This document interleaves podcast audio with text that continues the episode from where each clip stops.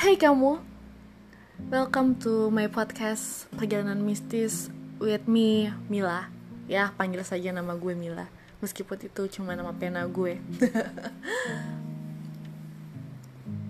Uh, Pada podcast pertama kali ini Gue kepengen sedikit sharing kepada Allah Gimana sih rasanya Hidup jadi seseorang yang berbeda daripada yang lainnya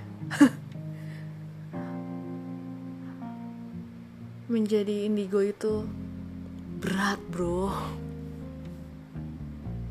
Ketika orang lain menganggap lo halusinasi tapi lo pribadi bisa merasakan gimana perbedaan hawa demi hawa yang terpapar di tangan lo. Ketika mereka bilang ah itu cuma perasaan lo aja. Tapi dengan nyata lo bisa melihat wujud mereka dengan kedua mata lo. Bahkan ketika lo terpejam sekalipun wujud itu tetap ada. Hidup jadi indigo itu ah, nggak enak. Serius nggak enak. Lo dilatih untuk menjadi sosok yang sangat kuat Iya, kuat mental, biar nggak gila maksudnya. Bayangin aja, ketika lo mau boker di kamar mandi, terus lihat ke atas atap, di situ ada celah antara langit-langit dan uh, tembok. Lo melihat tali pocong dan uh, apa namanya bagian jambul pocong di sana. Lo mau lari, nanggung. Lo mau diem, ngeri. Apa yang harus lo lakuin dengan posisi seperti itu?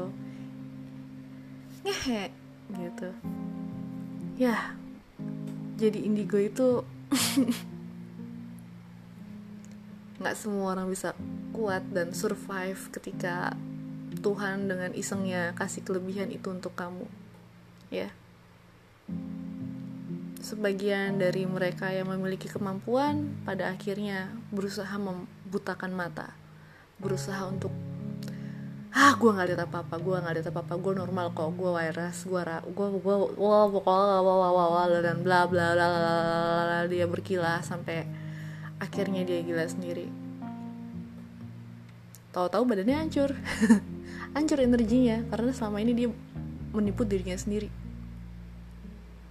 tapi di sisi lain jadi indigo itu ya ketika lo mampu menerima keadaan, maka mungkin lo akan bersyukur. Terima kasih ya Tuhan lo telah iseng kepada gue, bikin gue jadi bisa melihat sesuatu yang orang lain gak bisa lihat. Tapi tentu lo butuh waktu.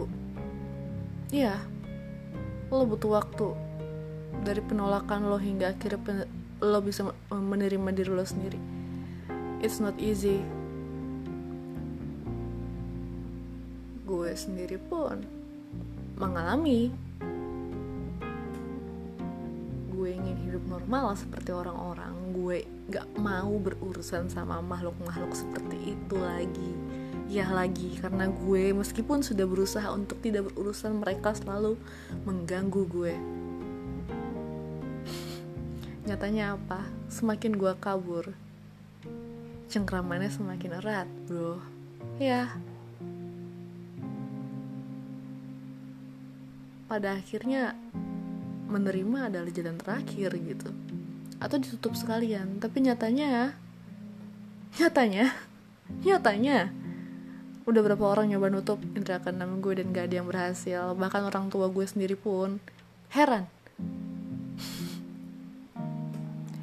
masih tahun kemarin gue beres-beres rumah. Tanda kutip ya beres-beresnya ya.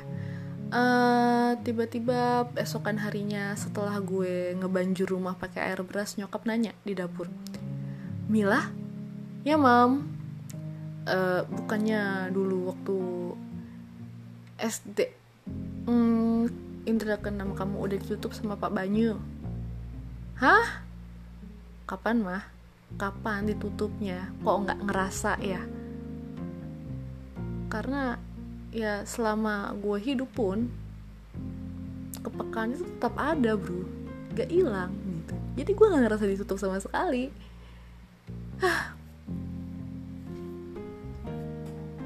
Terus banyak teman-teman gue yang akhirnya senasib juga mereka memiliki kemampuan bahkan sebetulnya power mereka lebih gede dari gue tapi mereka ketakutan. Gue harus gimana ya? Apakah gue harus mempelajari ini? Atau gue harus merelakan ini? Atau gue harus membutakan ini? Atau gue harus membunuh ini? Kita semua pernah mengalaminya. Meskipun sebetulnya uh, indigo itu bisa dipelajari oleh orang awam yang sama sekali tidak mengerti. Tapi jadi balak bagi kami yang emang keturunan. Jadi jika kamu terlahir jadi indigo